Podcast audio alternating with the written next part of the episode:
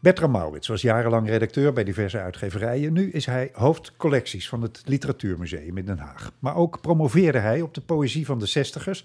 En hij schrijft over literatuur in tijdschriften als De Parelduiker, Poëziekrant en Zacht Lawijd. En over popmuziek voor Heaven. En met Pieter Steins maakte hij eerder over popmuziek de boekenreeks Luisteren, etc. Wanneer hij het ontdekt, zullen we zo horen. Maar hij moet op zeker moment gedacht hebben: er gaat een gat in de beschrijving van onze recente literatuurgeschiedenis. Want nu is er de achterkant van de bevrijding. Over het echtpaar de Scharten Antings, over Roel Houwink, over Henry Bruning of Jo van Ammer-Kuller. Voor de oorlog grote namen, erna in de vergetelheid geraakt. Welkom Bertram. Dank je. Waarom heb ik nooit van deze mensen gehoord? Nou, voor een, voor een groot deel, voor een deel ook, zoals je van veel oudere auteurs eh, niet gehoord zult hebben, omdat ze niet interessant genoeg waren om te blijven lezen. Maar hier speelt nog wel iets anders. Dit zijn allemaal auteurs die voor en in de oorlog uh, verkeerde keuzes gemaakt hebben. En direct na de oorlog werd er uh, aan uh, gewerkt, er werd een hele instituut opgericht, de Ereraad, om ervoor te zorgen dat die mensen zo min mogelijk aan het woord zouden komen. Er kwamen, ja, er kwamen publicatieverboden, soms voor de onschadelijke gevallen van één jaar. Uh, aanvankelijk werd er zelfs geroepen dat het levenslang moest zijn. Nou, dat is, dat is nooit geweest. Maar er zijn schrijvers die werden vijf jaar of zes jaar, mochten ze niet, niet publiceren. En ja, zelfs als ze daarna dan weer mochten, dan was natuurlijk wel duidelijk waar, waarom ze zo lang stil geweest waren. En ze kwamen nooit meer in de belangstelling. Ze kregen hun, uh, ja, hun reputatie niet meer terug. Er is niemand die er laten we zeggen, doorheen gekomen is? Er is niemand die, die echt heel duidelijk fout geweest is, uh, waarvan je kunt zeggen van nou, die wordt nog regelmatig gelezen. Geen Celine's, geen Nederlandse nou, Celine's. Exact, daar, daar, heb ik ook eens te kijken. Ja, je zou nog kunnen zeggen, maar dat is, het is een, hij komt wel aan, boord, aan bod in het boek, maar het is een beetje een ander geval. Zo'n Loetje Bert, die, die ja. heeft uh, natuurlijk uh, erg foute dingen geschreven en geroepen. En die, maar is maar, pas veel later bekend geworden ook, hè? Precies, ja, daar, ja. daar, zijn we eigenlijk pas later achter gekomen. maar nee, er zijn Albert Kuiler bijvoorbeeld, die schreef hartstikke mooie verhalen in de jaren twintig. Echt een veelbelovend geval. Werd ook heel erg gewaardeerd door Albert Helman, door Hendrik Marsman. Um, nee, er is na de oorlog gewoon niks meer van hem gekomen dat, uh, dat uh, de moeite waard is. Nee. En hoe kwam jij op het spoor van ja, deze, deze leemte in de literaire geschiedschrijving? Ja, dat is eigenlijk omdat ik inderdaad wat je zei vanuit het literatuurmuseum werk. En ehm, daar was het voornemen om naar aanleiding van 75 jaar bevrijding, 75 jaar vrijheid, om daaraan mee te doen en een tentoonstelling te maken daarover. En in de archieven ben ik op zoek gegaan, eigenlijk van ja, wat gebeurde er nou zo rondom de bevrijding? Wat, wat vind je dan voor dingen? Hm. En dan zie je dus dat er feesten georganiseerd worden en dat schrijvers elkaar weer terugvinden. Maar ik vond ook dit soort dingen. Ik, ik vond in het brieven van mensen die zich probeerden te verweren tegen wat, wat ze, waarvoor ze aangeklaagd werden. En dat, dit, is, dit is heel interessant eigenlijk. Hoe zijn deze mensen tot hun keuze gekomen en wat, wat gebeurt ze nu? Want dat waren dit soort schrijvers, Deze die, uh, ik zeg het maar even modern, toen gecanceld werden. Ja, en, in, uh, ja. en die daar tegen protesteerden. Dat, dat, dat, dat was je eerste spoor? Of? Ja, niet eens per se protesteerden. Hmm. Uh, sommigen ook die, die gewoon bezig waren zichzelf te verantwoorden. Die aan, aan familieleden of aan vrienden uitgebreid toelichten waarom ze gedaan hebben wat ze gedaan hadden. En dat, uh, want er is wel over die foute schrijvers, is, is, wel geschreven, maar heel vaak op een nogal simplistische manier door uit te leggen ja, wat ze fout gedaan hebben, waarom ze fout waren, hoe fout ze waren. En ik zag hier van ja, die mensen die aan het uh, worstelen waren, die, die ook hun best deden om te blijven leven, om, om eten te, voor hun familie en, en dat soort dingen. Dus voor een groot deel heel gewone mensen die op het verkeerde moment op de verkeerde plek waren. Dat vond ik ook interessant. Ja, want was er veel te vinden over ze toen je ging Ja, zoeken? heel, heel veel. Het, het, mooie van literatuur... Bij jullie in de collectie? Exact. Of? Ja. ja, het mooie van het literatuurmuseum is ook dat, dat, uh, dat ze nooit kritisch geweest zijn uh, over hoe literair iemand was. Uh, die archieven die liggen vol met alles wat de literatuurgeschiedenis behelst. Dus als, het mooie is ook dat als er vergeten schrijvers opduiken, dan heeft het literatuurmuseum heeft wel materiaal. Dus dat schrijvers die gecanceld waren, nou, het materiaal ligt bij ons in dozen te wachten op uh, ontdekking van nieuwe verhalen. Ja. Wat ben je overigens aan de weet gekomen? Hoe fout waren ze? Nou, er waren erbij die gewoon echt uh, die hartstikke fout waren. Die, die, waren antisemitisch, die sloten zich aan bij Zwart Front. En, en uh, die vonden de NSB nog niet hardhandig genoeg omdat ze uh, het groot-Dietse Rijk niet zagen zitten. Of juist uh, heel militant. Kortom, die figuren heb je die, die echt heel erg militaristisch en extreem waren. Kwam dat dan ook in hun literaire werk terug bijvoorbeeld? Zijn, zijn er echt ja, propagandistische romans geschreven? Die, ja, die zijn er wel, maar dat zijn er niet zo heel veel. Hmm. daarvoor is eigenlijk niet, denk niet genoeg tijd geweest om het allemaal tot stand te laten brengen. want dat begon natuurlijk in de oorlog. En dus die oorlog is een paar jaar lang leek, dacht iedereen dachten veel mensen van dit is de nieuwe stand van zaken. Duitsland blijft voor eeuwig de machthebber. En voor heel veel mensen viel het ook wel mee. Dat, dat zeker. Ja, dat, dat, speelde ook een rol. Ja. maar heel veel mensen, en dat was ook het idee, die zaten meer of meer te wachten tot het voorbij was. Ja. Dat was na een paar jaar toch ook wel duidelijk van nou, dit, dit, dit wordt niet zo. Wat, wat bijvoorbeeld Colijn in 1940 nog dacht van ja, dit is de nieuwe status quo. Pas je maar aan. Nou, in 42, 43 begon bij veel mensen al wel duidelijk te worden. Nee, het duurt nog even. Ja. En dat het even dan meer dan twee jaar was, dat voorzagen ze toen niet. Dus, dus nee, het is niet dat er een echte Nederlandse fascistische literatuur eh, breed is, is, eh, is ontwikkeld. Maar uh, wel, wel uh, instituten als de Cultuurkamer en een tijdschrift als de Schouw of de Wagen of zo, die, die vol stonden met propagandistische stukjes en materiaal. Dat, dat was er wel. Dus dat was één categorie? Dat was één categorie. Echt, zwart, zou ik maar zeggen. En, ja, en dan heb je natuurlijk wat Chris van der Rijn het grijs verleden noemde. Je hebt, je hebt de schrijvers die zich melden zich aan voor vertaalklussen, ook van foute auteurs, want die hebben gewoon geld nodig. Je ziet uh, Van Oudshoorn bijvoorbeeld, die, uh, die, die, ja, die worstelt enorm met het feit dat het eten steeds duurder wordt. Dus die, die meldt zich aan en die gaat vertalingen maken. En die gaat ook uh, stukjes van, van andere, Henry Bruning of zo, die schrijft besprekingen van boeken voor de schouw. Dus voor het fascistische tijdschrift, voor de beoordeling van, van wat er gepubliceerd kan worden. Ja. Maar die blijft uiteindelijk, vindt hij zelf, en dat is ook de verdediger, zijn literaire principes nog wel trouw.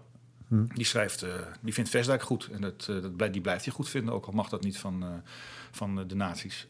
dus, dus ja, dat heb je ook. Die mensen proberen hun eigen principes tot stand hoog te houden in, in tijden van de bezetting. Ja, ja. Um, en was, want je zegt, ze, ze werden lid van de cultuurkamer, neem ik aan. Mm -hmm.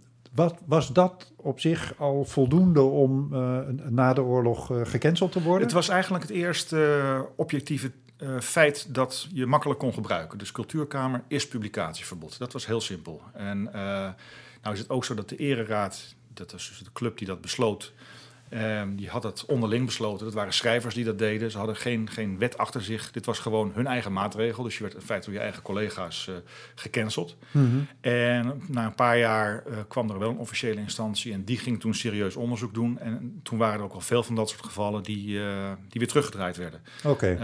toen was het van ja, de cultuurkamer. Nou ja, de aanmelding is niet genoeg. Of heeft verder nooit iets gedaan. Kijk, iemand als Roland Holst heeft zich aangemeld. Maar met een enorme uh, antifascistische brief erbij van uh, wijs mij alsjeblieft af. Hij was min of meer gedwongen om zich aan te melden. Hmm. Dus een aanmelding op zichzelf is, is nog, niet, uh, nog niet genoeg. Nee. Um, en wat, wat was jouw selectiecriterium? Welke, welke schrijvers ja. hebben wel jouw boek gehaald? Um, ik, ik, denk eigenlijk niet per se de grote namen, um, de, maar de schrijvers. ik, ik wilde een verhaal ik wilde verhalen laten zien waarin je je een beetje kan verplaatsen. Waarin je je kan voorstellen van, oh, dus zo gebeurt dat. Uh, dus iemand die, uh, de, de Schart en Antings is een echtpaar dat in Italië woonde. Uh, dat was gezonder voor zijn longen. die werden opgenomen in de culturele kringen. En voordat ze het wisten zaten ze tussen de fascisten. En die vonden het Mussolini dus een toffe peer. Die wisten niet beter. Nou waren die wel behoorlijk naïef voor, maar, maar toch als je eenmaal een goede plek hebt, zie daar maar eens afstand van te nemen. Zet maar eens een stap terug en kijk naar je eigen leven. Van waar ben je nou eigenlijk mee bezig? Dat, dat vraagt ook wel wat. Mm -hmm. dat, dat is wat ik een van de interessantste dingen vind van deze schrijvers. Je kunt eraan zien hoe makkelijk het is om uh, op, het, op het verkeerde pad te raken, zou ik haast zeggen, met een beetje een moralistische ondertoon. Ja. Ja. En is dat, was dat ook je, je inzet eh, van het boek? Of, of wil je ook laten zien van kijk, er is heel veel literaire waarde verloren gegaan aan deze schrijver? Uh, dat, nee, dat eerste eigenlijk meer dan dat laatste. Ja. Ik, ik, vond die verhalen van Albert Kuiler, die, die zijn echt hartstikke leuk. Uh, die, uh, die, die, er zijn er een paar waar, die absoluut nog uh, herlezen zouden mogen worden. Maar het belangrijkste vind ik toch uh, dat, dat je, als je dit ziet, ziet van dat dit fatsoenlijke mensen zijn die bang zijn voor, voor hun eigen cultuur en hun eigen achtergrond. En dat die uit angst uh, antidemocratische krachten ondersteunden. En, en daar herken ik toch wel redelijk veel van, van wat er nu gebeurt. Zonder iedereen meteen voor fascist uit te willen maken die uh, tegen coronamaatregelen demonstreert. Maar als je dat doet, dan laat je je gebruiken voor het uh, in discrediet brengen en ondermijnen van de democratie. En, en dat is levensgevaarlijk. En ja. dat heeft lang niet iedereen door die met een geel vrijheidsparapluutje over het Malieveld loopt. Ja. Dat die echt dat die bijdraagt aan het uh, in gevaar brengen van de democratie. Ja. En daar wilde ik dus een paar fatsoenlijke schrijvers die erg van literatuur en cultuur houden, die hun uiterste best doen om fatsoenlijk door de oorlog te komen, laten zien dat je dus echt uh, zelfs al denk je dat je fatsoenlijk bezig bent, heel erg gevaarlijke dingen kan doen. Ja, En wat moeten we dan uiteindelijk denken van het feit dat we daarna niks meer van ze gehoord hebben? Ehm, nou ja, als dat angst kan inboezemen van iedereen die nu uh, uh, bang is voor zijn eigen hachje, dan zou dat mooi zijn natuurlijk. ja, maar wat vind je van het feit dat mensen een publicatieverbod krijgen? Um, nou, daar zaten, kijk, het publicatieverbod ben je natuurlijk instinctief geneigd om uh, slecht te roepen. Dat, ja. dat, is natuurlijk fout. Dat moet Boekverbranding. Je niet doen. Ja. ja, exact. Dat doen we niet aan. Dat waren we daar juist, waren we juist mee opgehouden. Toch? Ja. Maar de vrees direct na de oorlog was, van natuurlijk was er aantrekkingskracht voor, voor dat fascisme. Dat was een positief getoonzet. Uh, we, gaan, we gaan nationaal, we verenigen ons, we, we, horen bij het land. Dat, dat klonk allemaal positief voor uh, de jeugd die daarvoor bevattelijk was. Mm -hmm. Dus na de oorlog werd vooral gezien, we moeten zorgen dat dit nooit meer als aantrekkelijk gepresenteerd wordt. Ja. En boeken, literatuur, journalistiek, dat was de manier waarop je mensen kon manipuleren in die tijd. Dus dat ze zeggen van, nou, jullie moeten even je mond houden voorlopig, was misschien niet zo onverstandig. De achterkant van de bevrijding verschijnt op 14 april. Dankjewel, Bertram. Graag gedaan.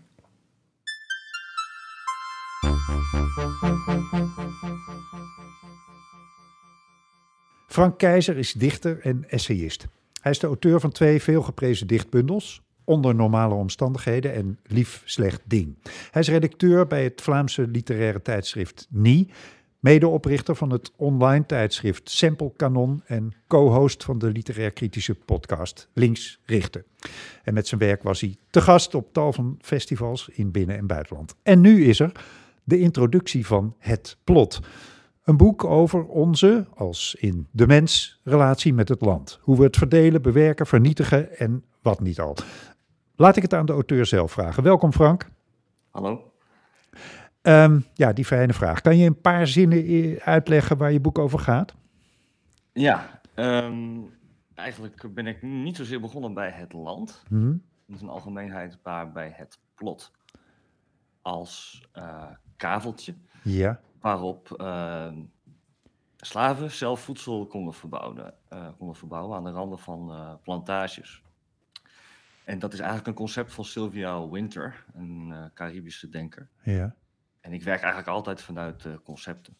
Dus ik heb dit concept genomen als een manier om na te denken over de verhouding tot land. In het licht van uh, de ecologische crisis. Aha. Ja, en, uh, en hoe kwam dat zo? Want uh, ja, ik heb, ik heb net een beetje je literaire cv voorgelezen, maar daar kom ik niet veel uh, land in tegen. Waar, waar kwam dit zo opeens vandaan? Ja, nee, over land heb ik inderdaad niet veel geschreven. Wel over kapitalist, kapitalisme in een relatie. Hoe kapitalisme in een relatie tot, tot de wereld, tot onszelf, tot de, tot de wereld, tot het land verandert. Ja. Dus in die zin wilde ik eigenlijk uh, die kapitalisme-kritiek uh, verder, verder ontwikkelen. Door te kijken naar ecologie. En die, die, die verstrengeling. En dat, dat, dat, daar ben ik eigenlijk mee begonnen. Heel in zijn algemeenheid. Ja, ja. Hoe stuitte ik op, op, op het plot als een manier om daarover na te denken. Ja, en waarom, waarom is dat plot, dus dat kleine stukje land waar slaven hun, hun eigen voedsel op mochten verbouwen, waarom is dat een goed beginpunt dan? Ik, ik wilde graag uh, een alternatieve geschiedenis schrijven van uh, de verhouding tot land. Een waarin niet zozeer de vervreemding van het land als beginpunt en eindpunt dient, maar, maar een andere verhouding. Hm. Dus in die zin is het een heel speculatief uh, project. Ja, waarin ik eigenlijk uh, dat plot neem als een manier om na te denken over ja, hoe kun je buiten de logica van de markt ja, en buiten de blik van de opzichter, dus in een heel specifiek, uh, geval van slavernij, Ja. kun je, hoe kun je dan zelfvoorzienend uh, opereren? Uh, en verder zit er een element in van verzet en samenspannen, hè, van, van een plot waar je plot tegen Ja. onderdrukkers. Uh, dus dat, dat vond ik een heel, uh, ja, een heel uh, potent begrip waaruit eigenlijk heel veel verschillende betekenissen te halen zijn. om, om na te denken, op een andere manier na te denken over verhouding tot land. Ja, en tot wat voor boek heeft dat, heeft dat uiteindelijk geleid? Ik bedoel, is het, is het dan een soort chronologische ontwikkeling van de relatie van de mens tot dat stukje land en hoe zich dat, dat verder die verhouding zich ontwikkeld heeft. Wat, wat is het geworden? Nou, het is geen chronologisch boek geworden. Ik wilde ook eigenlijk uh, zoveel mogelijk een lineair verhaal vermijden. Ja. Dus geen verhaal over steeds verdere modernisering en vooruitgang. maar in tegendeel juist een, een, een, een, boek dat zich dat die vooruitgangsgedachte, dat zich aan die vooruitgangsgedachte zou onttrekken. Door heel veel zijsprongen bijvoorbeeld in te slaan en andere net zo goed mogelijke geschiedenissen aan te dragen. zonder, ja, zonder die vooruitgang, zonder een soort in een soort traditioneel plot terecht te komen van hoe het zo gekomen is. Maar eerder, hoe kan het anders? En ehm, ja, ik heb ook heel erg geprobeerd om niet alleen de relatie van de mens tot het land uh, tot uitgangspunt te nemen, maar eigenlijk net als in vroege leerdichten, die me heel erg hebben geïnspireerd bij het schrijven van het boek, ook een soort ja, pantheïstische wereld te schetsen van van voor de tijd dat de mens eigenlijk in het centrum van de wereld kwam te staan. En, en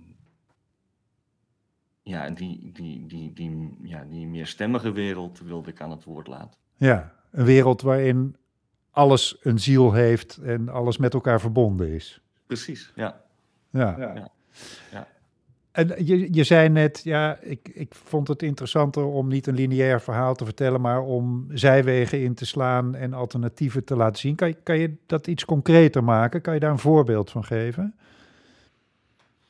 Nou, ik wilde, wat ik bijvoorbeeld wilde is, ehm, is laten zien dat je de geschiedenis niet alleen hoeft te vertellen als een verhaal van vervreemding uh, van de natuur, maar ook dat er op allerlei momenten eigenlijk in de geschiedenis ook alternatieven zijn geweest voor dat vooruitgangsverhaal, zoals het plot waarop slaven uh, ja, zelf, zelf, uh, zelf uh, voedsel verbouwden, voedsel dat, dat, dat ze bijvoorbeeld meenamen met zaden uit, uit Afrika. Mm-hmm. En um, dus het idee van een soort onvermijdelijk verloop van geschiedenis wilde ik daarmee eigenlijk ja, ontdoen van zijn vanzelfsprekendheid. Ja, ja. Iets wat, iets, ja, iets wat ik ook uh, heel erg bijvoorbeeld in, ja, in de paddenstoel van, uh, van Anna Tsing zie. Dat is, een, dat is een voorbeeld van een antropoloog, Amerikaanse antropoloog. Ja. Een boek heeft geschreven over de paddenstoel aan het einde van de wereld. En die laat zien hoe, uh, ja, hoe de Matsutake, die, die paddenstoel, gedijt in allerlei ecologisch verwoeste niches. Een paddenstoel die niet kan worden geteeld, bijvoorbeeld, uh, die niet in een plantage kan worden inges in, ingeschakeld. Iets dat eerder bijvangst is dan eigenlijk een, een doel. Ja. En ik denk dat dat soort voorbeelden mij, mij hebben ge... Ja, dat soort voorbeelden ik belangrijk vind om, om nu aan te dragen. Om ja. op een andere manier na te denken over hoe kunnen we nou de ecologische crisis die, waar we mee worstelen, um, ja, hoe kunnen we die overwinnen? Ja, want dat, dat begrijp ik toch wel, dat, dat je daarmee ook een soort uh, alternatief aan wil bieden. Voor, nou, laat, laat ik het anders zeggen. Nederland staat de boek als het meest geavanceerde uh, productieland als het om, uh, om landbouw gaat en veeteelt. Um, en, en het is jouw idee om kijkend naar wat voor merkwaardige ontwikkelingen zich in de geschiedenis hebben voorgedaan, om mogelijke alternatieven aan te bieden? Ja, zeker. Uh, dus dat speelt zeker een rol. Die achtergrond van Nederland als een, uh, ja, als een zeer, zeer geavanceerd productieland. Speelt in zoverre een rol dat, dat het het vertrouwen in die geavanceerde, dus kapitaalintensieve landbouw ter discussie stelt. Ja. Als een bron van vervuiling, uitputting, maar ook van zoonoses, dus, dus ziekte, virussen als, als COVID, COVID-19. Ja uitstoot van fossiele brandstoffen, dat is allemaal met elkaar, komt eigenlijk allemaal samen in intensieve veeteelt. En het afschalen daarvan is onvermijdelijk. Uh, eigenlijk om op een leefbare planeet, ja, om de planeet leefbaar te houden. Dus dat speelt zeker als achtergrond een rol in dit boek. Ja, ik wil ook eigenlijk vragen stellen bij wat is geavanceerd? Eh, voor wie? En vanuit welk perspectief is dat geavanceerd? Want er bestaan natuurlijk ook vormen van landbouw en veeteelt die die, die misschien niet uh, geavanceerd zijn, maar juist uh, maar vanuit een ander perspectief regeneratief zijn. Dus niet het land uitputten. Ja.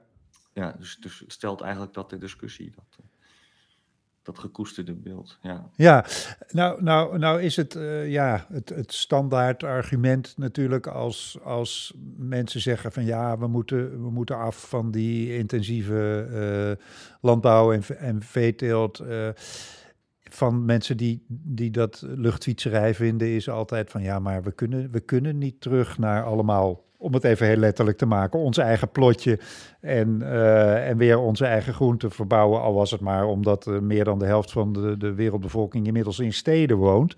Um, daar ben je het dus niet mee eens met dat soort. Het lijkt me, heel belangrijk, het lijkt me nog, nog, nog steeds belangrijk om na te denken over, over alternatieven voor. Uh, voor, uh, voor intensieve vormen van landbouw. En ik denk ook dat die alternatieven er, er zijn. Um, het is denk ik heel belangrijk om niet de verbeelding van alternatieve lam te leggen bij voorbaat. Ook. En dat is iets wat ik heel belangrijk vind in mijn poëzie. Om dat, die verbeelding van alternatieven in ieder geval aan de gang te houden. Ja. En, en um, ja, bijvoorbeeld uh, dus een tegenstelling tussen, tussen stad en platteland te overwinnen. Uh, en, en na te denken over hoe kunnen we nou die urbanisatie uh, op een, op een uh, manier denken en uitvoeren die, die niet uh, ten koste gaat van, van, van de natuur. Dus ik denk dat dat, dat, dat, gewoon, dat, dat nog steeds belangrijk is om daar op, over na te denken, over die. Ja. Ja. Want dat gaat onvermijdelijk een conflict opleveren. Dus we kunnen niet zeggen, oké, okay, we, we kunnen misschien niet terug. Dat, dat, dat is waar. Uh, maar het is, het is, dat, daarmee gaat dat conflict niet weg. Maar vooruit hoeft, en dat heb je al gezegd, vooruit hoeft niet uh, in één richting te zijn. Er zijn heel veel richtingen van vooruit. Dat bedoel je eigenlijk. Ja. Ja. ja. Niet alleen maar modernisering op een kapitalistische manier. Ja. Nou, ik ben ontzettend uh, benieuwd naar uh, wat voor boek dat heeft opgeleverd. Nog één vraag tot slot, want er is natuurlijk uh, ja, veel meer bewustwording van klimaatverandering, milieuproblemen op dit moment. Het gaat, het gaat in, begreep ik in jouw boek, over plotwendingen die er zijn geweest, onverwachte plotwendingen. Is dit zo'n plotwending?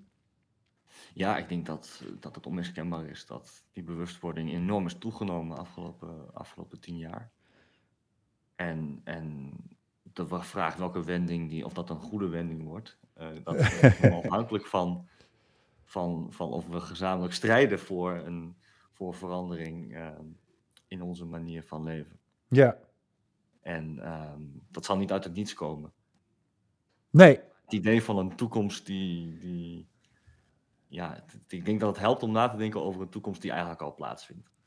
Daarbij. Zeker. Ja. En het gaat vast ook helpen om uh, jouw boek te lezen. De, in, de introductie van, uh, van het plot. Dankjewel, Frank Keizer. En ik zeg er even bij dat de introductie van het plot verschijnt op 21 april. Dank. Hoi. Dag.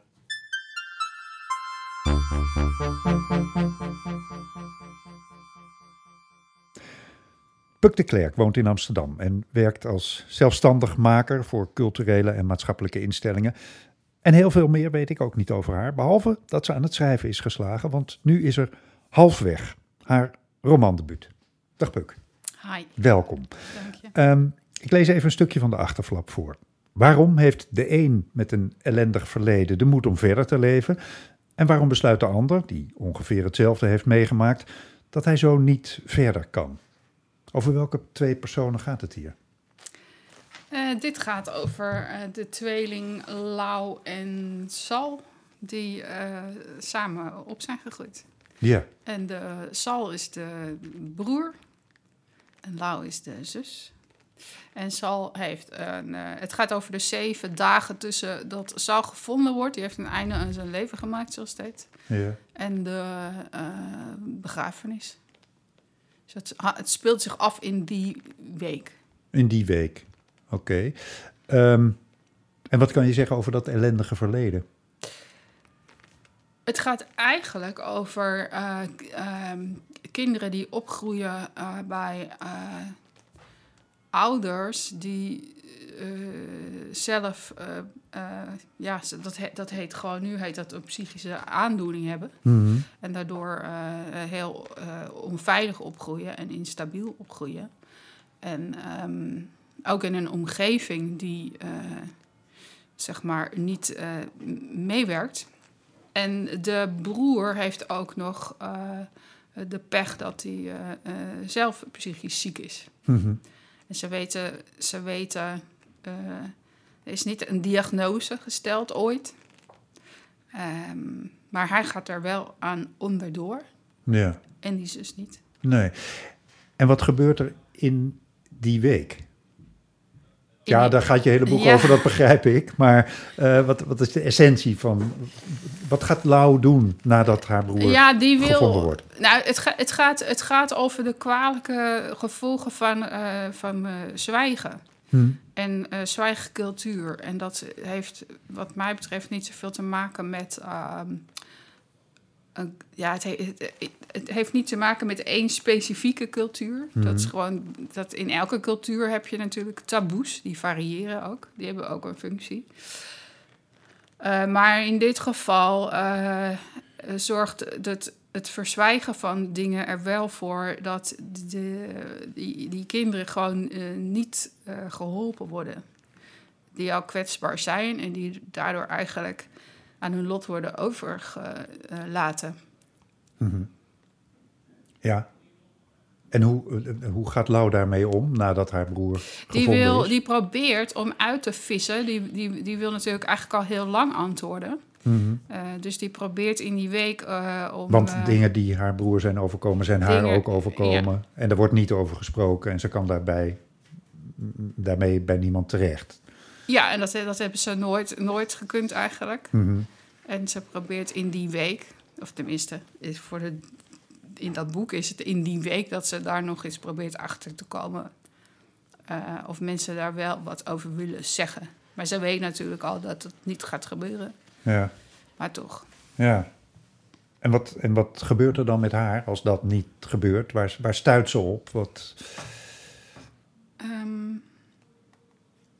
nou ja, kijk, de, als je vraagt.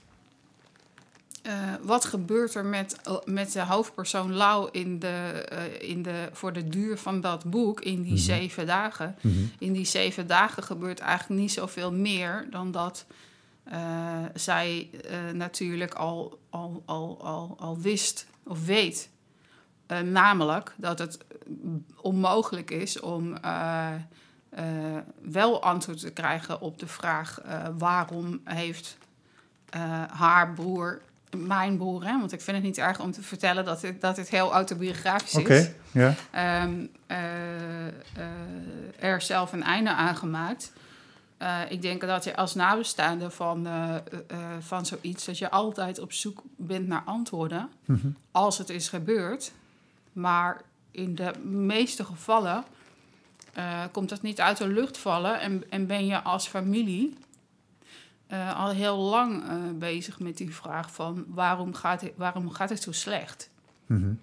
En waarom, kan ik daar, waarom kan ik daar niet bij? En wa- wat, kan ik, wat kan ik meer doen? Mhm. En waarom praat niemand daarover? En wa- wat, is er, wat is er gebeurd? Dus in die zeven dagen in dat boek probeert Lau nog eens een keer om eh, dat soort vragen onder de eh, neus te wrijven van de mensen die daar eh, allemaal mee te maken hadden. En is er een, een woede over, zeg maar, dat onrecht dat die kinderen is aangedaan. Mhm. Of die verwaarlozing heet dat nu. Maar eh, er, ja, er, is niet iets, iets, iets typisch van een gebeurtenis dat zegt, oh, nou, dan, dan, dan komt alles goed of zo. Het Nee, komt nee. namelijk niet goed. Nee, nee. En in het boek komt het ook. eh, eh,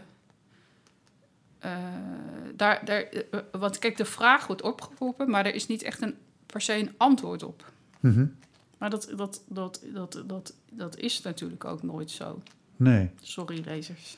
Nee. nou, daar zullen de lezers mee moeten leven, vrees ik. Ja, Maar ehm, dat vond je juist belangrijk, denk ik, om dat te laten zien, of niet? ja en ook. eh, ehm,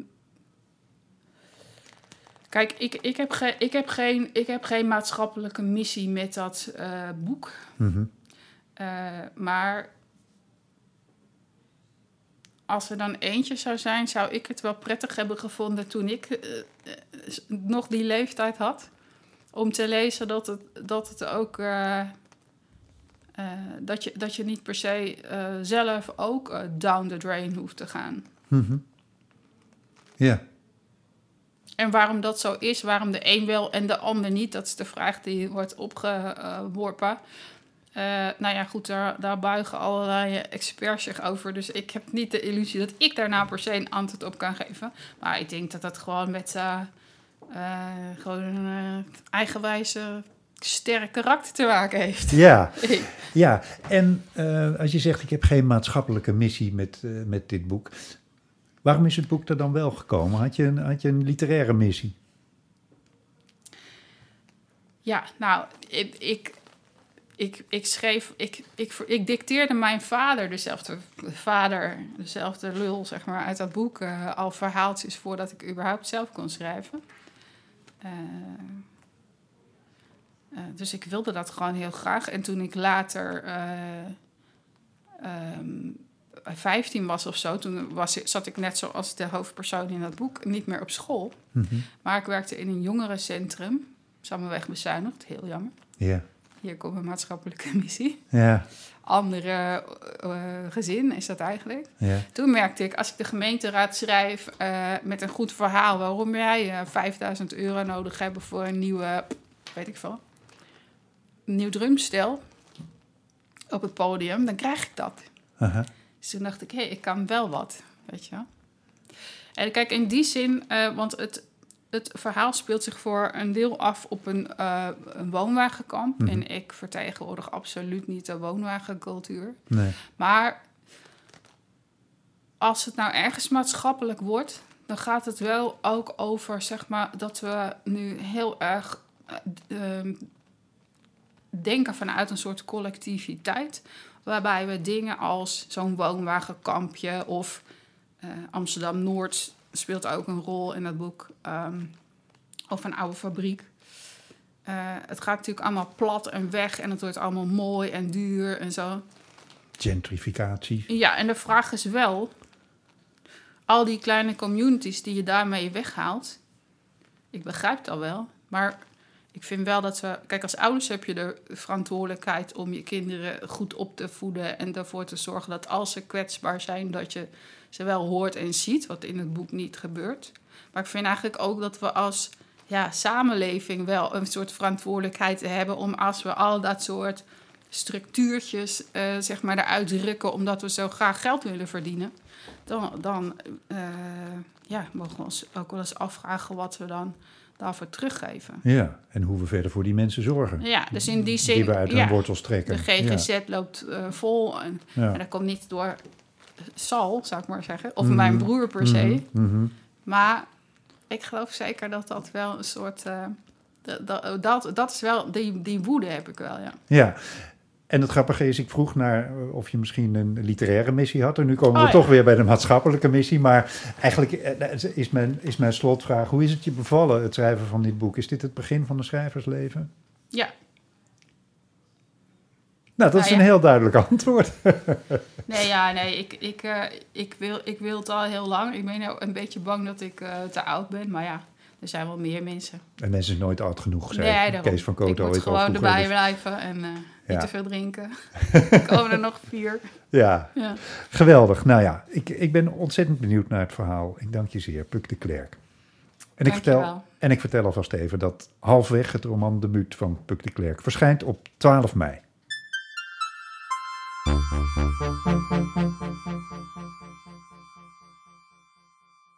Nadia de Vries is schrijver en cultuurwetenschapper. Eerder publiceerde ze de kritische memoires Kleinzeer en de dichtbundels Dark Hour en I Failed to Swoon bij de Britse uitgeverij Dostoevsky Wannabe.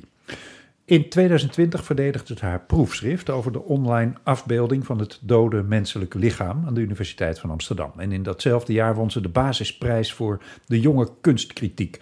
Ze schrijft over kunst voor onder andere het Parool, Metropolis M en De Witte Raaf. En is redacteur bij Nie. Maar nu is er De Bakvis, haar eerste roman. Welkom Nadia. Dankjewel. Ik eh, herinner me Kleinzeer, dat ook bij uitgeverij Pluim uitkwam, als een eh, buitengewoon openhartig relaas van je eigen, eh, niet van problemen gespeende eh, leven, vandaar ook Kleinzeer. En ook deze roman wordt door de uitgever als rouw omschreven. Ben je het daarmee eens? Jazeker. ja. ja, het is weer een verhaal over een hele intense persoonlijke ervaring. Hmm. En die echt de diepte ingaat via de eerste persoon van hoe het is om zo'n ervaring mee te maken. Dus ik denk dat rouw wel een toepasselijk uh, adjectief is. Kan je iets vertellen over die ervaring? We gaan niet spoilen, maar. Ja, het gaat over een, een, een vrouw van de 30 die precies 20 jaar geleden op 13-jarige leeftijd haar vader is verloren. Mm -hmm. Op een hele tragische, uh, extreme wijze. En haar hele jeugd lang heeft ze daar geen uh, ja, last van gehad of heeft ze dat onderdrukt. En precies 20 jaar later komt dat ineens, dat daalt dat besef bij haar in. En dan begint haar hele realiteit uh, af te breken. Hmm. Want wat gebeurt er dan concreet? Hoe, hoe, hoe ziet dat eruit als je realiteit afbreekt? Uh, nou, hoe ik het zelf aanvankelijk het verhaal omschreef was een sprookje. Want er gebeuren bepaalde sprookjesachtige uh, dingen die zich in haar alledaagse leven gaan mengen. En de realiteit en het droomachtige en het hallucinante, dat gaan met elkaar, die raken met elkaar verweven. En daardoor raakt ze heel erg geïsoleerd eigenlijk, de hoofdpersoon. Aha, ze, ze, ze komt in een, wereld uh, terecht die andere mensen niet meer begrijpen. Ja, Zoiets. ja precies. Ja. Ja? En, het, en wat ik zelf het, het prettiger aan de roman vind, is dat ik het in de eerste persoon heb geschreven. Ja. Dus als lezer ga je heel erg mee met de hoofdpersoon en snap je niet wanneer die realiteit ophoudt en wanneer ze eigenlijk die, die, die, die sprookjes of die droomwereld betreedt. En je moet zelf eigenlijk afleiden aan de omgeving of, of de reacties die ze krijgt, wat er werkelijk gebeurt. Aha. Uh, en dat, dat benadrukt voor mij ook die isolatie die je kan voelen als je een, een extreem verleden hebt. En, uh, en je dan toch moet aarden binnen het alledaagse en binnen het, het gewone eigenlijk. Ja. ja, en waarom wilde je die ervaring gebruiken in een roman? Wat, ik, wat je ook eerder al zei, in mijn vorige boek heb ik een eigen persoonlijke ervaringen gebruikt. Ik Ja. heb zelf ook um, dus ervaring met uh, een, een ja, vrij extreme jeugd, hoe dat dan weerklank heeft op je volwassen leven. Ja, Maar juist omdat mijn eerste boek, uh, geen roman, een non-fictieboek, zo erg op het de werkelijkheid zat, wilde ik heel graag weten hoe het was om me in te leven in een ervaring die ik niet zelf heb meegemaakt, maar waar ik wel die, diezelfde identiteit uit kon halen.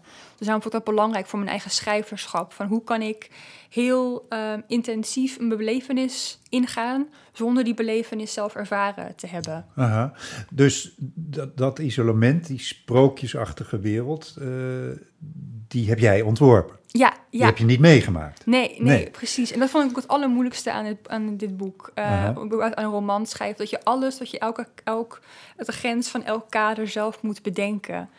En uh, ja, dat was een flinke uitdaging. Ja, maar ik begrijp dat we als lezer dus uh, in die wereld zitten. Dat we, je hebt natuurlijk de, af, de afgelopen jaren een paar hele mooie romans gehad over bijvoorbeeld autistische hoofdfiguren, die ook helemaal vanuit zo'n persoon geschreven waren, zodat je als het ware de autistische ervaring meemaakt als, als lezer. Dat, dat heb jij ook willen bereiken. Ja, precies. Ja. Hm. ja, dat is precies waar ik op uit was. Om, dat je eigenlijk als, als een lezer langzaam verleid wordt om, om ja, tussen de aanhalingstekens de gekte van de hoofdpersoon in te stappen. Ja, En dat je dan voor jezelf moet afvragen uh, waar de grenzen zijn van het normale en het ziekelijke uh, in, in deze ervaring. ja, ja. Dan begrijp ik ook dat er op een gegeven moment um, een curieuze wending komt. In die zin dat, dat de hoofdpersoon probeert ook uit dat isolement te komen of uit die wereld, want daar voelt ze zich niet prettig in. Het voelt niet werkelijk. Het voelt niet Hm. alsof ze daar enig eigenaarschap over kan uitoefenen. Ja, en wat er dus gebeurt, uh, zij heeft enkele, enkele jaren na haar, uh, de dood van haar vader, heeft ze een, een aantal zelfportretten gemaakt. Mm -hmm. Um, Zelfportretten als in geschilderd? Of, nee, met, met, met een camera. Ah, het, speelt, het zich wel af in de ja, late jaren 2000, dus Ja. er hebben wel camera's. En dus, heeft dus als, als puber heeft zij naaktfoto's van zichzelf gemaakt, puur om te zien van mijn vader is dood, wat voor weerslag heeft dat op mijn lichaam gehad, hoe ziet mijn lichaam eruit nu dat mijn vader een aantal jaar dood is. En die foto's herontdekt ze dus als ze dan uh, dertiger is en ze besluit ehm, dan die foto's online te zetten, omdat ze over die foto's wel eigenaarschap heeft. Mhm. En ze wil dan zien wat er gaat gebeuren. Iets werkelijkers dan die foto's en haar lichaam Precies. is er niet voor haar. Dus Precies, ja. ja. ja, En, en die wil ze dan online zetten als materiaal waar mensen op kunnen reageren. Want ze kan haar eigen innerlijke wereld en haar gevoelens kan ze niet delen, maar die foto's wel. ja, Alleen het punt is, daar begint ook die, die aftakeling, dat als de gemiddelde volwassene een naaktfoto van een kind ziet, dat niet de reactie is van, oh, we gaan even een leuke dialoog aan met elkaar. Er zijn heel veel verschillende reacties op. En daar begint in het boek dan ook die splitsing tussen haar belevenis en hoe de wereld daarop kijkt, van hoe, hoe, eh, hoe oké dat is, laat ik het zo zeggen. ja. Met, met andere woorden, ze had buiten de werkelijkheid gerekend. Ja, precies. ja. Ja, want zo, zo- nogmaals, zonder te spoilen, maar wat, ja, wat kan je zeggen over wat er dan gebeurt? Eh, nou, het loopt niet goed af eh, met haar. Eh, nou, op zich moet ik niet zeggen, want ik denk dat het boek wel goed afloopt in principe. Maar wat er natuurlijk met haar gebeurt is, Hmm. er zijn dus wel bepaalde juridische consequenties verbonden aan wat zij, wat zij doet met die foto's. En de situatie die dan ontstaat, die, die bindt haar gek genoeg dichter bij de werkelijkheid, omdat dat een hele urgente ervaring is. Eh, waardoor ze weer een beetje terugkomt in Ja. het alledaagse en ook weer de waardering voor het alledaagse kan vinden. En eh, zichzelf kan loskoppelen van die eh, extreme gebeurtenis uit haar jeugd en weer terug in het ehm, heden kan stappen. En, en dat is ook waar de titel van het boek een rol speelt. Want de bakvis is natuurlijk een, een beetje een jong puberaal, Ja. eh, een, ja, bijna labiel iemand kun je zeggen. Een beetje een gillend tienermeisje is het beeld wat naar voren komt. Mhm. En dat is eigenlijk de persoon die zij in die, die episode met die foto's weer wordt. En dan kan ze langzaam, da- daarna als het eenmaal voorbij is, kan ze langzaam weer afstand doen van die identiteit. En weer haar eigen verantwoordelijkheid als volwassene nemen. ja. Dus, dus eigenlijk biedt eh, dat online zetten van die zelfportretten van haar... het biedt niet de oplossing die ze verwacht... maar het biedt wel een, een oplossing. En dat, dat is natuurlijk, ja, gek genoeg is dat vaak zo. Als, als je de weg kwijt bent of je komt in zo'n rare wereld... als er dan echt iets ergs gebeurt... dan word je opeens weer teruggeworpen in de werkelijkheid. Ja. En dat kan helpen.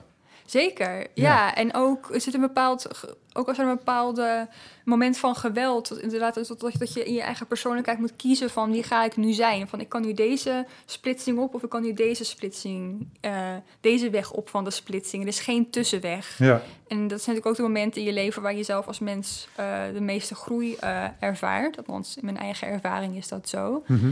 En dat wilde ik dit personage ook laten ondergaan. Dat er een, een, een situatie ontstaat die zodanig extreem is dat er maar één. Dat er maar twee keuzes zijn. Of je gaat er doorheen of je bezwijkt eraan. En ik, ja, ik, ik zal het niet spoilen, maar ik vind het wel prettig dat ik in dit verhaal haar eruit heb laten komen, laat ik het zo zeggen. ja, ja, altijd fijn voor de hoofdpersoon. Ja. Ehm, eigenlijk, eh, bedacht ik, is het daarmee ook een soort antipool van je, je proefschrift. Dat ging over het online zetten van dodenlichamen. En dit van extreem levende, want naakte jonge meisjeslichamen. Was dat ook een gedachte die je had bij het schrijven? Ja, zeker. Dat is heel scherp opgemerkt. Want eh, het idee voor dit boek ontstond ook tijdens het afronden van mijn proefschrift. Eh, want er was ook een casus van een jong meisje die ik in mijn proefschrift wilde verwerken. eh, Hm. Maar dat paste niet meer. Maar ik vond het wel een heel fascinerend verhaal. Eh, het had te maken met wraakporno. En ik kende dat hele fenomeen eh, niet, wraakporno. Het is dus als, als je een relatie hebt gehad met iemand... en Ja. je hebt bijvoorbeeld intieme foto's van diegene... En, dat je, en als dan de relatie stuk loopt, dan zet je die online om toch je ex-geliefde weer een beetje terug te eisen. Mhm. En er was toen twee jaar geleden een verhaal op het nieuws van een 13-jarig meisje die dat was overkomen en die daarna ehm, eh, zichzelf van het leven had ontnomen. Hm. En dat vond ik zo'n heftig verhaal. Want ik kan mezelf nog zo, zo goed voorstellen hoe kwetsbaar ik op mijn dertiende was. Mhm. En omdat zo'n kind dat, dat dan ondergaat, dat van jeetje. Dus ik heb daar heel erg mee rondgelopen ehm, met dat verhaal. En toen dacht ik van, wat als je wra- wraakporno maakt van je eigen verleden? Van als je als je, je eigen jeugd wil terug-eigenen op zo'n gewelddadige, eh, vrij gemene manier. Mhm. Dat is wat er nu in de bakvis eh, gebeurt. Dus het is inderdaad eh, geïnspireerd op, op ervaring of, of, of nieuwsberichten... die ik heel graag in mijn proefschrift had willen opnemen, maar die niet pasten. Maar in deze roman hopelijk wel. Ja, mooi. Is het daarmee ook mede een, een commentaar op de huidige beeld- en selfie-cultuur?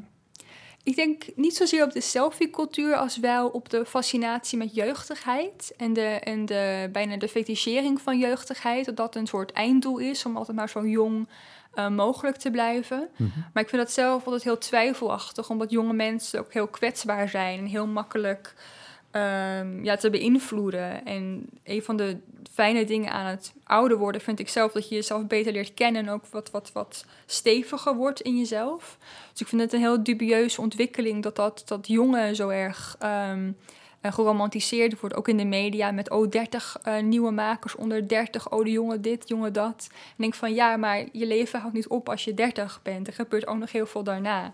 Dus het is meer een kritiek op de, de obsessie met jeugdigheid in Ja. de, de huidige cultuur, ja. En alsof het zo leuk is om jong te zijn. Ja, nou, vond ik niet. Zo overrated. Oké, Precies, vind ik ook. dank je zeer. Eh, Nadia de Vries. De bakvis verschijnt op 19 mei.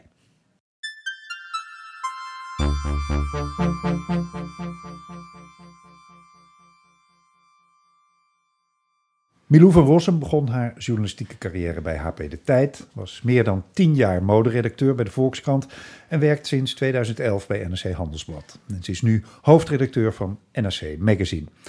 En ze is nu ook samensteller van de bundel De Buitenkant, waarin twaalf vrouwen zich buigen over... Nou ja, welkom Milou. Het uiterlijk, ja. Ja, vertel het maar. Ja, Ja, even, de hoofdredacteur is natuurlijk een beetje een lastig eh, begrip. Want we hebben de hoofdredacteur voor de krant, natuurlijk, René Moerland. Maar ik maak het magazine inderdaad. Jij maakt het magazine Even voor de en dus ben je hoofdredacteur van NRC Magazine. Oké dan. Maar vertel, waarover, waarover gaan die twaalf bijdragen precies? nou, dat is heel verschillend. Ik moet eerlijk zeggen dat ze nog niet allemaal binnen zijn op dit moment. Mhm. Ehm, en het is een, eh, eigenlijk een vrije opdracht. Ik heb eh, twaalf vrouwen eh, die ik eh, goed vind schrijven gevraagd om een eh, min of meer persoonlijk essay over de rol die hun uiterlijk in hun leven speelt of heeft gespeeld. Aha. Dat is het idee. En eh, verder is het een, eh, een, een vrije oefening wat dat betreft. Mhm. En het varieert van, eh, nou ja, het al dan niet dragen van een hoofddoek tot een, een groot deel van het leven acne hebben gehad, tot ouder worden, tot dik zijn, Hm. tot eh, hoe anders er naar je wordt gekeken als je zwanger bent en net een kind hebt gekregen. Dus het is, eh, ja, het is heel breed. Ja, en eh, waarop zijn de vrouwen geselecteerd? Op, op schrijftalent?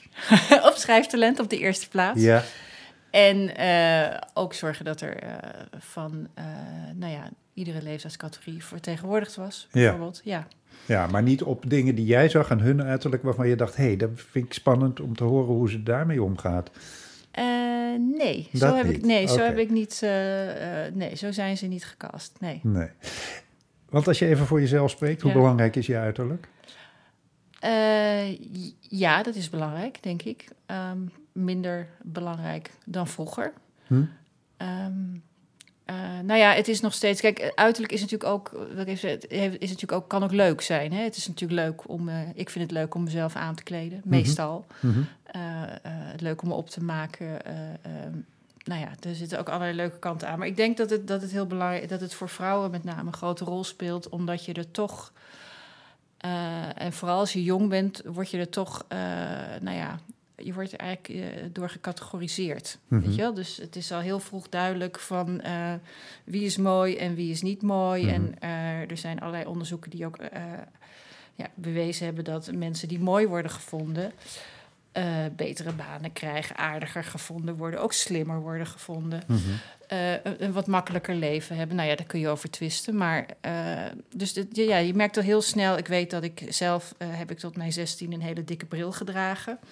En ik, ik, wil, ik zal altijd eh, me blijven herinneren dat iemand totaal de slapper lach kreeg omdat er iemand verliefd was op mij. Weet je, hoe was dat nou toch mogelijk? ja, dus dan zit je al meteen. Terwijl in- kinderen met brillen juist zo ontroerend vind ja, altijd. maar goed, dit was eind jaren 70, begin Ja, jaren ja, 80. hè? ja, Toen nee, was de bril nog, ehm, nog niet zo'n eh, leuk accessoire als het nu is. Maar goed, dat zijn dingen eh, waarmee je meteen alles geplaatst wordt. Ja. Weet je? En, ehm, en ik denk dat eh, veel vrouwen zoiets hebben meegemaakt of niet. Ehm, aan de andere kant is het natuurlijk ook zo dat er eh, eh, misschien is het ook wel vervelend om altijd maar mooi gevonden te worden. En en niet om je karakter beoordeelt. Dus ik denk dat, ja, ik denk dat het een hele grote rol speelt. En dan hebben we het natuurlijk niet eens gehad over bijvoorbeeld te zwaar zijn, zwart zijn. Ik bedoel, het speelt allemaal een rol naar hoe er naar je wordt gekeken. Ja, en, en eh, begrijp Oud dus... zijn trouwens. Oud Ja. zijn, Ja, zeker. En, en, en hoe moet je oud worden en wat Ja. moet je wel oud laten worden en wat niet? Allemaal interessante ja, vragen. Ja. Ja, Hoewel je natuurlijk ook een beetje verdwijnt hè, als je ouder wordt. Word je Ja, langzaam nou, een beetje onzichtbaarder. Ja, ja. sommige mensen worden ook steeds aanweziger, vind ik. Ja. Kan ook. ja, dat kan ook, ja.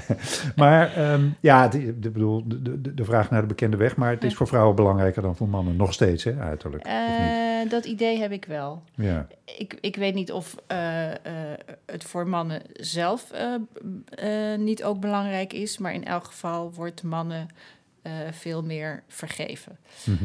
Eh, wat wel een beetje moeilijk is, dat hebben we natuurlijk bij Hugo de Jonge gezien, is als mannen wel heel nadrukkelijk eh, een beetje ijdel zijn.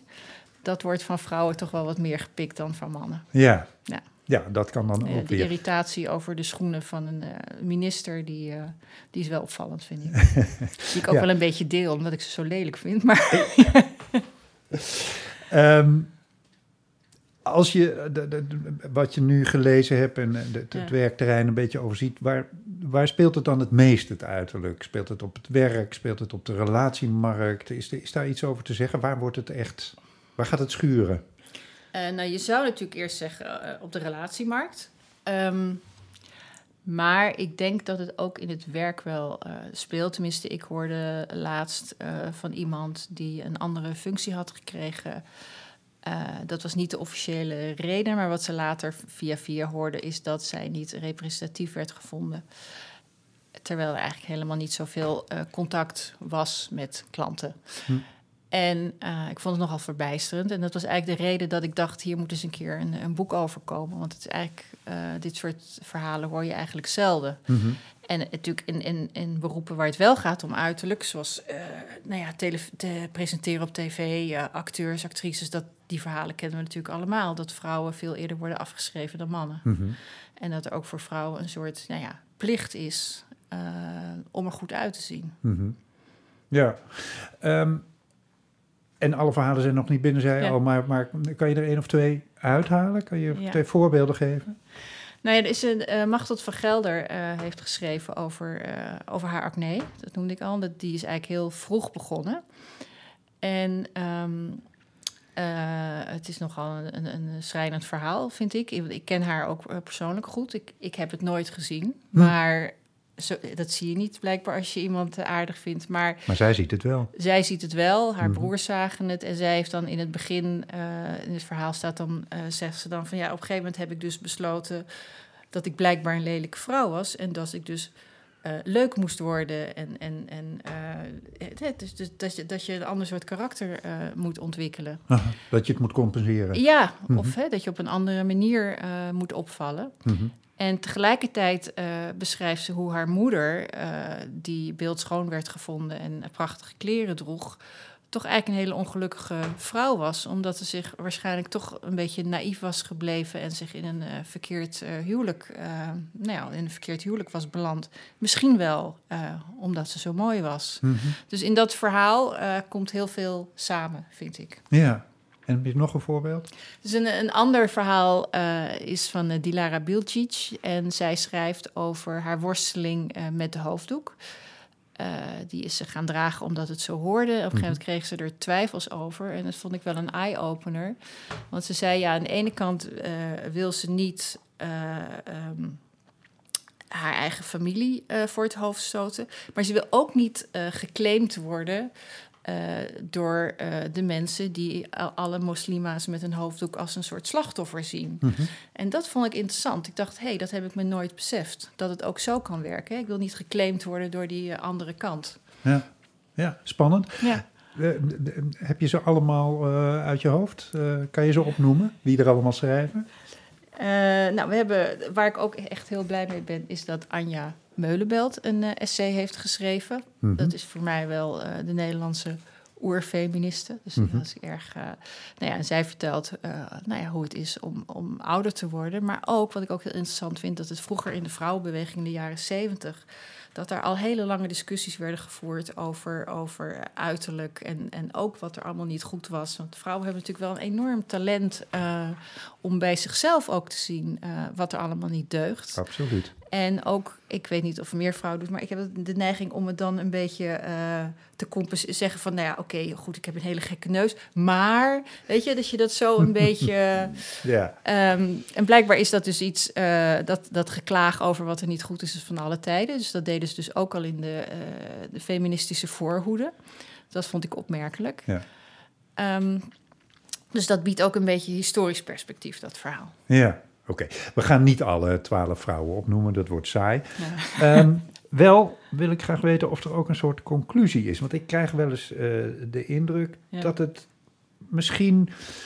Um, dat de gelijkschakeling van mannen en vrouwen op het gebied van uiterlijk misschien toch wel uh, een beetje aan de gang is. Ik zie tegenwoordig bijvoorbeeld steeds meer vrouwen gewoon in joggingbroek op straat. En alsof uiterlijk er iets minder te doet. Terwijl jongens uh, enorm fanatiek in de sportschool hangen. Of ben ik daar uh, het is, te optimistisch over? Het is allebei, alles, alles wat je zegt is waar. Alleen um, die jongens in de sportschool, uh, wat ik op in mijn eigen omgeving heb gezien, ik heb daar geen cijfers van, zijn mm. dat vaak uh, jongens zo van een jaar of 16, 17, ja. die net een beetje in hun eigen uh, lichaam, aan hun eigen lichaam beginnen te wennen. En dan, het is vaak, uh, tenminste, ik zie dat uh, bij, bij, bij zonen van vrienden en bij mijn neven, net voordat ze in de fase ook dat ze belangstelling krijgen voor meisjes. Mhm. Mm -hmm. En natuurlijk zo is dat jongens best ijdel zijn, want ze doen het niet voor een conditie, maar om te spieren, of om spieren te kweken. Maar uh, het is wel optioneel, weet je wel. Het is leuk als ze het doen en daarna uh, vergeten ze het ook weer. Het, het, uh, ik weet het niet. En die meisjes in joggingbroek... joggingbroeken zijn erg in de mode. Ja, die worden vaak gecombineerd met een crop top. Ja. Um, het hoort ook een beetje bij de TikTok-cultuur. Daar zie je alleen maar dansende meisjes met, met joggingbroeken.